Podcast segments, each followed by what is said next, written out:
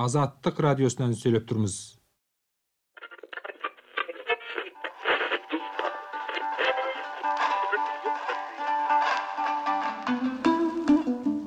азаттык радиосунан сүйлөп турмуз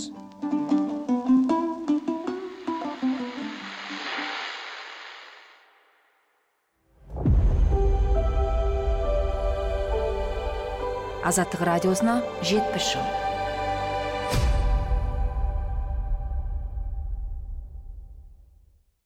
армысыздар өткен аптада алматыда азаттык радиосунун жетимиш жылдыгы курметине медиа курултай өттү азаттык медиа форуму деп аталды. Әдетке жиналып алып бір бірін мақтайтын жиындардан бөлекше отырыс болды. Жетпіс жылдық деген жай ілік ал құрылтай орталық азияда қалыптасқан қазіргі сөз бостандығын талқылауға арналды. Оны азаттықтың бұрынғы түркістан қазіргі орталық азия аймақтық редакциясы ұйымдастырды. Медиа форумда нақты қандай мәселелер қаралды? Бүгін осы туралы айтатын боламыз. Бұл азаттық радиосына жетпіс жыл аудио подкасты бүгін подкасттың 26 алтыншы эпизодын назарларыңызға ұсынып отырмыз сіздермен бірге мен қуанышбек қари азаттық радиосы сүйлейді түркістан республикалары бойынша Cepleyer Azatlı Radyosu. Kadın dinleyiciler. Assalamu alaikum muhtaram radyo dinleyiciler. Azatlık Radyosu'dan gapiramiz. 14 қыркүйекте алматыда азаттық радиосының жетпіс жылдығына орай уақыт кедергісінен тыс цензурасыз жаңалықтар тақырыбымен тұңғыш орталық азиялық медиа форум өтті. Жиынға жергілікті және халықаралық ақпарат құралдарының өкілдері тәуелсіз журналистер депутат қоғам белсенділері үкіметтік емес ұйымдардың өкілдері және ақш тың алматыдағы бас консулы қатысты. Азаттық медиа форумында аймақта қалыптасқан саяси жағдай және әлемде көрініс берген геосаяси жағдайға орай тәуелсіз баспасөздің жұмыс істеу ерекшеліктері мен пропаганда мәселелері талқыланды. Әлбетте азаттықтың тарихы да баяндалды. 1953 жылы алғаш құрылған күндерінен бастап азаттық радиосы орталық азия елдерінің тілдерінде хабар таратып келеді. Алғашқы кезде радионың түркістан редакциясы аталған бөлімі күнделікті ортақ бағдарлама аясында өзбек қарақалпақ қазақ қырғыз түркмен тәжік және ұйғыр тілдерінде эфирге шығып отырды. Кейін аймақтағы бес елдің тілінде хабарлар дайындалды. Орталық азия елдері совет одағы құлап қырғи қабақ соғыс аяқталған соң да толықтай демократияландыру жолына түсе алмай келеді. Аймақтағы қазіргі саяси ахуал және демократияға қадам біреуден алда біреуден артта формуласымен салыстырмалы түрде ғана бағаланады. Бұл елдерде әлі күнге дейін сөз еркіндігі шектеліп адам құқығы жиі аяқ асты болады. Оны баяндай ету азаттық радиосының негізгі миссиясы. Азаттық медиа құрылтайында осы мәселелер ашық талқыланды. Енді бәрін рет ретімен баяндасақ. Азаттық медиа құрылтайын радионың орталық азия аймақтық редакциясының басшысы хамид исмаилов сөз сөйлеп ашты Великий э, казахский поэт Макжан э, Джумабаев, который был, э, как вы знаете, жертвой сталинских репрессий. сталиндік репрессияның құрбаны болған қазақтың ұлы ақыны мағжан жұмабаев өз өлеңінде тіршіліктің көзі ерік дейді. Егер біз ерік еркіндік және азаттық сөздерінің синоним екенін ескерсек мағжанның бұл сөзі азаттық радиосына толықтай қатысты екенін аңғарамыз. Азаттықты және қазақстанның тәуелсіз журналистикасын жетпіс жылдығымен құттықтаймын. Независимую журналистику казахстана с семидесятилетием.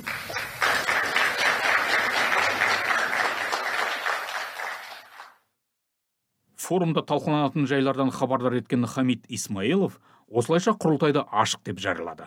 Содан кейін азат еуропа азаттық радиосының президенті қызметін атқарушы джеффри гедминнің жиын қонақтарына арналған видео жолдауы қойылды.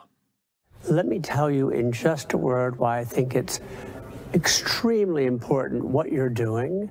Сіздер жасап жатқан жұмыс және сіздер талқылайтын мәселе неліктен маңызды? Бұл басқосудың қорытындысымен танысуға да қатты ниеттеніп отырмын. Бір сәті кері шегініп сіздерде және аймақта совет коммунизмі құлағалы бері болған 30 жыл барысындағы өзгерістерге көз салсақ көптеген салада үміт пен ілгерілеушілік байқалады.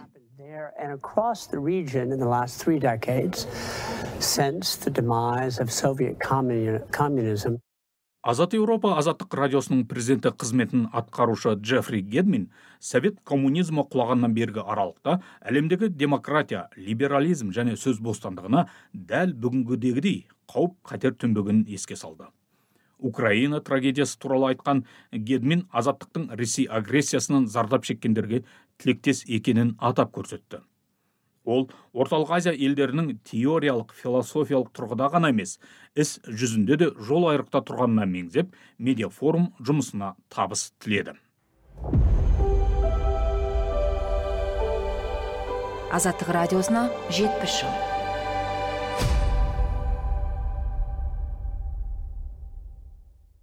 Азат еуропа азаттық радиосының таяу шығыс аймақтық директоры андрес илвис өзі айтқандай бұрын орталық азия редакциясында қызмет еткен ақсақал ретінде осы ақпарат құралындағы тәжірибесін айтты. Эстониядан шыққан советтік мигранттардың ұрпағы радиода 1984 жылдан бері жұмыс істейді. Ол қысқа толқынды радионы тыңдау совет аумағындағы адамдар үшін қанша қиын болса да азаттық сол кезде еркін сөздің саңылауы болғанын айтты. Оның сөзінше адамдар қиындықтарға қарамастан азаттық радиосын тыңдап ашық ақпарат алуға тырысқан. Ол совет одағында үлкен үміттің басы болған қазақстандағы желтоқсан көтерілісін еске алып өтті I remember the first sign we had that things might be changing. Really, the first sign of significant activity was the Jeltoksan көтерілісі. And I was there. Біз әуелде шынайы өзгеріс әкеледі деп ойлаған 1986 жылғы желтоқсан көтерілісі әлі есімде. Мен сол кезде мюнхенде едім. Сонда біз әр сағат сайын не болатынын тебірене күтіп сондағы өзгерістерді көргіміз келген еді. Әрбіріміз толқып жүрдік. Азаттық радиосында қырық жылдай қызмет атқарған андрес ильвес соған қарамастан қазіргі таңда да еркін ақпарат таратуда кейбір есіктердің жабыла бастағанын кедергілер барын соны талқылау үшін де медиа форумға жиналып отырмыз дегенді айтты. Ал ақш алматыдағы бас консулы мишель еркін ханым азаттық радиосының семей ядролық сынақ полигонында совет одағы атом бомбасын жарып сталин қайтыс болғаннан кейін құрылғанын еске алды. Radio Liberty launched its Central Asian services in 1953. Азаттық радиосы орталық азия редакциясы өз жұмысын 1953 жылы бастады. Сол жылы Сталин қайтыс болды совет одағы сол кездегі қазақ сср ның аумағында семей ядролық полигонында атом сынағын жасап жатқан. Совет кезеңінде ақпарат бұрмаланатын кезде азаттық радиосы орталық азия халқына объективті ақпарат пен мәліметтерді таратып отырды. Совет одағы ыдыраған кезде азаттық радиосы сенімді ақпарат құралы ретінде орталық азия халқына хабар таратуын жалғастырды. Жетпіс жылдың ішінде кейбір нәрселер өзгерді. Өкінішке қарай өзгермеген жайлар да бар. Мәселен ресейдің пропагандасы мен жалған ақпараты ғаламдық деңгейде теріс әсер етіп жатқанын жоққа шығара алмаймыз that the negative impacts of Russia's propaganda and disinformation are felt across the globe. ақштың алматыдағы бас консулы мишель еркін ханым осындай жағдайда өз мемлекетінің елдердің тәуелсіздігі мен жер тұтастығын қолдайтындығын еске салып америка мен орталық азия арасындағы қалыптасқан ынтымақтастық салаларына тоқталды бүгінде аймақта түрлі кедергіге ұшырап отырған тәуелсіз ақпараттың азаматтық қоғам үшін маңызын атап өткен дипломат медиа форумға қатысушыларды азаттық радиосының жетпіс жылдығымен құттықтады. Азаттық радиосына жетпіс жыл.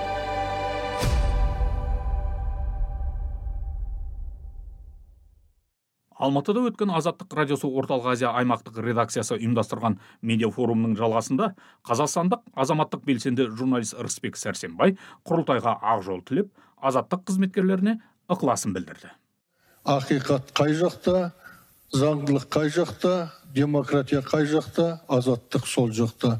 Сонысымен де құнды. Азаттық 2011 жылы жаңаөзенде қақтығыс болған кезінде бірден іліп алып сол жерде телефон арқылы тікелей байланысқа шықты тілшілерін жіберді. Ең соңында кейінгі қанды қаңты қақтығыс кезінде де мұнайшылардың қасынан табылды. Тікелей репортаж жүргізді шынайы ақпарат деректер таратты. Күні кешегі қасіретті қаңтар оқиғасы кезінде де азаттықтың журналистері сол оқиғаның ортасында болды.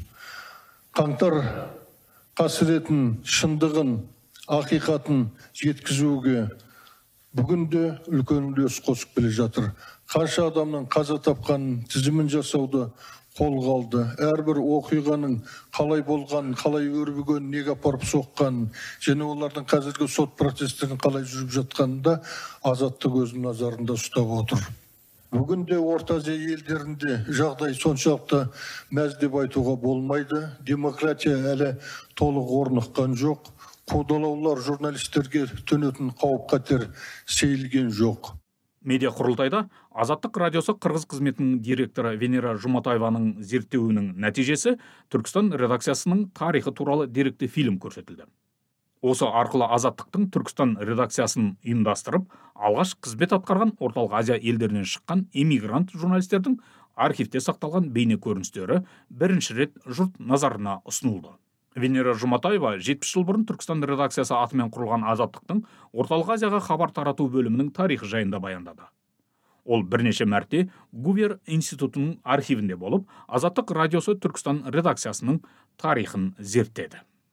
Листая архивы, я убедилась и убеждаюсь все больше и больше, что мы мен архив құжаттарын парақтай отырып саяси жүйенің кесірінен біз адам ретінде халық ретінде қаншама нәрседен айырылып қалғанымызға көз жеткізе түстім. Бірақ соны соңына дейін түсінбей отырған сияқтымыз. Біз тарихи санадан айырылғанбыз. Біз ұзақ жылдар бойы халқымыздың басынан кешкен трагедиялары 1916 жылғы ұлы көтеріліс қырғызстандағы ұлы үркіншілік қазақстандағы ашаршылық саяси діни репрессия құрбандары туралы үндемей келдік. Біз әлі күнге бетпе бет отырып осының бәріне қалай көніп келгеніміз жайлы айтуды үйренбедік. Говорить об этом о своей недавней истории о том как мы жили и как мы все это пережили. Азаттық радиосы қырғыз қызметінің директоры венера жұматаева кешегі түркістан бүгінгі орталық азияға ортақ тарихты бірігіп зерттеуге шақырды. Ол өзінің азаттықтың түркістан редакциясы туралы деректі фильмінде совет одағы кезіндегі азаттықтың мынандай мәселелерді көтергенін айтты. Азаттық радиосы сүйлейді түркістан республикалары бойынша Gepleyer Azatlı Radyosu. Kadın dinleyiciler. Assalamu alaikum muhtaram radyo dinleyiciler. Azatlık Radyosu'dan gapiramiz. Это были обзоры зарубежной прессы от Центральной Азии. Главные события в мире. Орталық Азия туралы жазған шетел басылымдарына шолу, әлемдегі басты оқиғалар 1954 жылғы Венгриядағы көтеріліс, 1968 жылғы Чехословакиядағы совет әскеріне наразылық, 1954 жылғы совет түрмелеріндегі бүлікті тұншықтыру, 1959 жылғы Теміртаудағы, 1969 жылғы Ташкенттегі жаппай тәртіпсіздік және басқа да тақырыптарды көтерді. Редакциялар совет одағы жағынан жүздеген газет журнал кітаптарды алдыртып сол кездегі жасырын ұйымдардың мәліметімен салыстырып сараптама жасады. Сссрдан келген жаңа эмигранттардан ұлттық және діни топтардың мүшелерінен сұхбат алды. Батыс елдеріне түрлі халықаралық фестивальдер конкурстар және жарыстарға келген советтік делегациялармен тілдесті. Орталық азиядағы жағдайдың қандай екендігі туралы және сол аймақта тыйым салынған тақырыптарды талқылады. Өзін өзі ұлт ретінде көрсетудің құқықтық мәселесі саяси және азаматтық еркіндік сөз бостандығы ой ой еркіндігі жүріп тұру еркіндігі діни наным сенім туралы қамтыды. Түркістан редакциясының хабарларында совет репрессиясының құрбандары туралы бағдарламалар ерекше орынға ие болды. Жер айдалғандардың өлтірілгендердің тұтқындалғандардың этникалық және мемлекеттік қайраткерлердің өмірі мен қызметтері туралы баяндады. Советтік түркістанда олардың есімін атауға тыйым салынған еді. Государственных культурных деятелей. Их имена в то время было запрещено произносить в советском Туркестане. алматыда өткен азаттық медиа форумында азаттық радиосы өзбек қызметінің директоры әлішер сыдықов азаттық радиосының орталық азиядағы журналистік зерттеулері тақырыбында әңгімелеп берді азаттық радиосының орталық азия елдеріндегі журналистік зерттеулері осы елдердегі билік пен соның айналасындағы түрлі топтардың бет пердесін ашып қоғамда әділеттің орнығуына септігін тигізіп жатыр бұл туралы медиа құрылтайға қатысқан бірден бір ресми қонақ қырғызстандық депутат дастан бекешев азаттықтың қырғыз қызметінің кедендегі ахуал туралы журналистік зерттеуі елді қалай өзгерткенін айтып берді. Пользуясь связями с властью вывел из кыргызстана большие деньги. Сол топтар билікпен байланысын пайдаланып қырғызстаннан қомақты қаржы шығарып алып кетті. Осыдан кейін журналистерге шабуыл басталды. Журналистердің кесірінен қытайдан келетін арзан товар тоқтады. айфон елу долларға қымбаттады деген айыптаулар айтылды. Мұндай айыптаулар бот фейк аккаунттар арқылы қатты трансляцияланды. Бірақ осы журналистік зерттеу біздің президентімізді ауыстыруға негіз қалады. Для того чтобы сменить нашего президента. Бұғаттауды жеңу. Сайтыңыз бұғатталса оқырманға қалай жол табасыз? Бұл туралы азаттық медиа құрылтайында азаттық радиосы түркмен қызметінің директоры фаррух юсупов айтып берді. Ал азаттық радиосы тәжік қызметінің директоры салим аюбзат аудиторияны тартуға арналған инновациялық жобалар жайында әңгімеледі. Төңкеріс немесе жаппай наразылықты тікелей эфирден қалай көрсетуге болады? Шағын редакциялардың аймақтағы маңызды оқиғаларды шұғыл хабарлау тәсілі және оқиға ортасындағы тәуелсіз журналистің бастан кешкен оқиғалары негізіндегі тәжірибе. Осы жайында азаттық радиосы қазақ қызметінің директоры төреқұл дооров баяндады. Біз бір кездері үлкен оқиғаларды тікелей эфирде радио толқын арқылы беріп келген болсақ бұдан сегіз тоғыз жыл бұрын мәселен қазақстанда ютубта және фейсбукта алғашқы тікелей эфирлерді көрсете бастадық. Қазақстандағы жер дауына байланысты митингілер қытай экспансиясына қарсы демонстрациялар сайлаулардағы наразылықтар сосын ереуілшілердің жаппай ұсталуы. Ең үлкен оқиғалардың бірі астанада бес сәбидің өртеніп қазаға ұшырағаннан кейін басталған көпбалалы аналардың митингілері болды. Сосын соңғы ең үлкен және моральдық психологиялық тұрғыдан ең ауыр трансляциялар қаңтар оқиғаларына байланысты болған. екі мың жиырма екінші жылдың қаңтарында азаттықтың ютуб арнасында бір айдағы көріліміміз жүз миллионнан асып жалпы арифиарелдің тарихында болмаған рекордқа жетті. Азаттық медиа форумына орталық азия елдерінен саясаттанушылар да қатысты. Қырғызстаннан келген саясаттанушы эмилбек жураев аймақтағы сөз бостандығы жайын былай бағалайды. В центральной азии вообще свобода слова это как родник орталық азияда сөз бостандығы бұлақ іспетті. Оның суына қанық болуымыз керек. Біздің елдерде қазақстан қырғызстан тәжікстан өзбекстан және түркменстанның биліктері еркіндікті жақсы көрмейді. Журналистер соның ішінде азаттық радиосының журналистері бостандық еркіндік үшін көп жұмыс істеп жүр. Азаттық медиа құрылтайында панельдік талқылаулар да болды. Жаңа медиа және технологиялар орталық азиядағы тәуелсіз журналистиканың дамуына қалай әсер етеді? Бұл тақырыптағы талқыны азаттықтың орталық азиядағы орыс тіліндегі контенті бойынша бас редакторы толкун умаралиев жүргізіп отырды. Онда спикерлер түркменстаннан руслан миятиев тәжікстаннан рустам гулов қазақстаннан жәмила маричева және қырғызстаннан азат рузиев қатысып әркім өз елдерінде қалыптасқан жайлар туралы айтты сұрақтарға жауап берді. Тағы бір панельдік талқылауға ұсынылған тақырып пропаганда және журналистика. Украинадағы соғыс тұсында орталық азиядағы тәуелсіз журналистиканың жұмысы деп аталды.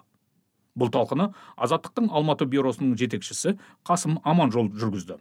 Онда спикерлер қазақстаннан дархан өмірбек өзбекстаннан ануара содиқова қазақстаннан шалқар нұрсейіт қырғызстаннан эмилбек жураев тәжікстаннан ражов мирзо және қазақстаннан думан смақов түйгендерімен бөлісті. Қазақстандық саясаттанушы шалқар нұрсейіт ресей пропагандасы жергілікті элитаға да әсер етіп отырғанын айтты. Біріншіден ресейдің пропагандасы біздің аймақта оның ішінде қазақстанда екі сатыда жұмыс істейді иә. Бірінші біздің өзін саяси элита санайтын топқа және жалпы азаматтарға қатысты. Және ә, шын мәнісінде біздің өзін мынау саяси элита қатарына жатқызатын адамдар көп жағдайда ә, проресейлік көзқарасы саяси карьерасына тікелей әсер ететінін жақсы біледі. Ә, нақты кейстерді атап өтсек. Бірінші мысалы жақында ғана қазақстанның ресейдегі елшісі болған дәурен абаев. Тіл сақшылары атты активистердің ә, іс әрекетін үңгірдегі ұлтшылдық деп атады. Және ол ә, тіркесі шын мәнісінде оның ресейде тез арада елші болып тағайындалуына тікелей әсер етті деп ойлаймын. Өйткені бізде көбінесе елшілердің кандидатурасы айтарлықтай тез уақытта бекітілмейді. Дәурен абаевтың кандидатурасы өте тез уақытта бекітілді. Менің ойымша ол кезіндегі сол саяси қадамы саяси есеппен жасаған мәлімдемесі және ол ә, мәлімдемені сол кезде тоқаев әкімшілігінің бірінші орынбасары отырған дәурен абаев тоқаевпен ақылдаспай жасады дегенге өз басым сенбеймін. Яғни ондай мәлімдемелер міндетті түрде жоғарғы басшылықпен келісе отырып жасалады. Тағы бір кейс кезінде білім және ғылым министрі болған асхат аймағамбетов. Онда орыс тілі пәнін орыс тілі әдебиетін екінші сыныптан бастап оқытамыз деген кезде оны ұлтшыл деп айыптай бастады. Ресейлік пропаганда құралдары және қазақстандық құралдар. Сол кезде аймағамбетовтің өзі айналасындағылар ұлтшыл емес екенін дәлелдеуге тырысты. Бұл жағдайды медиа маман думан смақов та қуаттады. Элита не десе жергілікті ақпарат құралдары да соған бейім келеді. Ол ресейдің украинадағы соғысы басталған кезде қазақстандағы ақпарат құралдары оны мәскеу медиасы хабарлағандай арнайы операция деп атап келгенін еске алды. Тек президент әкімшілігінің сол кездегі бірінші орынбасары тимур сүлейменовтің батыс басылымына сұхбатынан кейін ғана жергілікті ақпарат құралдары соғыс туралы айта бастаған. Қазір мысалғы өздеріңіз білесіздер масс медиа туралы заң ә, жобасы жасалып жатыр. Бірақ та бұл заңның өзінде ә, пропаганда түсінігі айқын емес. Өздеріңіз білесіздер тимур сүлейменов ә, батыстық бір медиаға сұхбат бергенге дейін қазақстандық ресурстар көп жағдайда арнайы әскери операция ресейдің арнайы әскери операциясы ресейдің ә, осындай ұлтшылдарға қатысты несі деген секілді соғысты соғыс деп атай алмады соғыс деп атай алмады иә. Және де біздің ақорда ресми түрде сүлейменов бастап беріп соғысты соғыс деп атағаннан кейін ғана біздің телеарналар соғысты соғыс деп атай бастады. Ә, меніңше осы жерде үлкен дискурс жатыр. Бұл жерде ә, мемлекеттік телеарнадан қарағанда мемлекеттік медиалардан қарағанда тәуелсіз медиа мен мемлекеттік органдардың ә, жұмысы керек секілді. Өйткені мемлекеттік органдар көп жағдайда ә, ресейдің политтехнологиясының ә, құрбаны болып жатады. Және де ресейдің политтехнологиясы ресейде қандай пропаганда бар сол пропаганданы мемлекеттік органда жұмыс істейтін әріптестеріміз айтып жатады. Осы аралықта мынандай сұрақ туындады. Болатбек мұхтаров журналист. Ә, пропаганданың және оның поляризация сияқты салдары туралы айтылған кезде ә, тәуелсіз медиа мен мемлекеттік бақтың арақатынасы туралы айтылмады. Дархан ә, бірнеше жолын ұсынды ғой осы проблеманы шешудің. Соның бірі ретінде осы тәуелсіз медиа мен мемлекеттік бақтың осы жөнінде ә, келіңіздер ә, осы мәселені шешудің жолдарын қарастырайық біздің арамыз алшақтап бара жатыр деген сияқты сондай талқылаулар болуы мүмкін бе? Бұл сұраққа азаттық радиосы қазақ қызметінің редакторы дархан өмірбек жауап берді. Бұл ә, мүмкін де мүмкін емес деп те айту қиын. Ол ә, жағдай көрсетеді. Бірақ ә, егер мемлекеттік медиа тарапынан ондай бастамалар болса бәлкім қарастыруға болатын шығар. Бірақ ә, азаттықтың міндеті бұл ә, қалай айтсам екен пропагандамен күрес ол біздің түпкі міндетіміз емес бізге біздің түпкі міндетіміз тәуелсіз медиа ретінде жұмыс істеу күнделікті оқиғадан хабар тарату. Біз сол жұмысымыз арқылы пропагандамен күресеміз. Ал бірақ пропагандаға қарсы антипропаганда науқанын жасау біздің міндетімізге кірмейтін сияқты. Ал мемлекеттік ә, жаңағы бақпен әріптестікте енді ортақ проекттер жасау біздің ә, саясатымызға қайшы келмейді. Біздің тарихымызда ондай бастамалар болған. Азаттық медиа форумын азаттықтың орталық азия аймақтық директоры хамид исмаилов қорытындылап құрылтайда талқыланған мәселелердің өзекті екенін айтты. Оның айтуынша алдағы уақытта азаттық медиа форумын өткізу дәстүрге айналуы мүмкін. Сөйтіп орталық азияда тұңғыш рет өткізілген бір күндік азаттық медиа форумы аяқталды. Алматыдағы форум туралы жергілікті интернет басылымдар және әлеуметтік желіде кеңінен хабарланып жатты.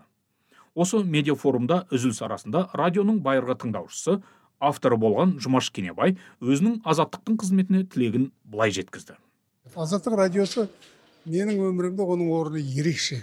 Бұл радио қазір де сол беделіне биігіне түскен жоқ. Әлі де шындық жетеді біз айтатын. Сондықтан да азаттық радиосы қазаққа керек жалғыз қазаққа емес бүкіл халыққа тәуелсіздігін енді алып әйтеуір қалай өмір сүреміз қырғызға да қазаққа да өзбекке де тәжікке де түрікменге де тіпті орысқа да осы азаттық радиосы керек. Аман болсын азаттық радиосы. Сондықтан енді бұл бүгінгі мынандай үлкен басқосу өткізіп жатыр. Азаттық радиосының жетпіс жыл болыпты. Енді сондықтан да мен сонау бас кезінде жаңағы тоқсаныншы жылдан бастап бұл радиомен араласқанды өзім мақтан тұтамын.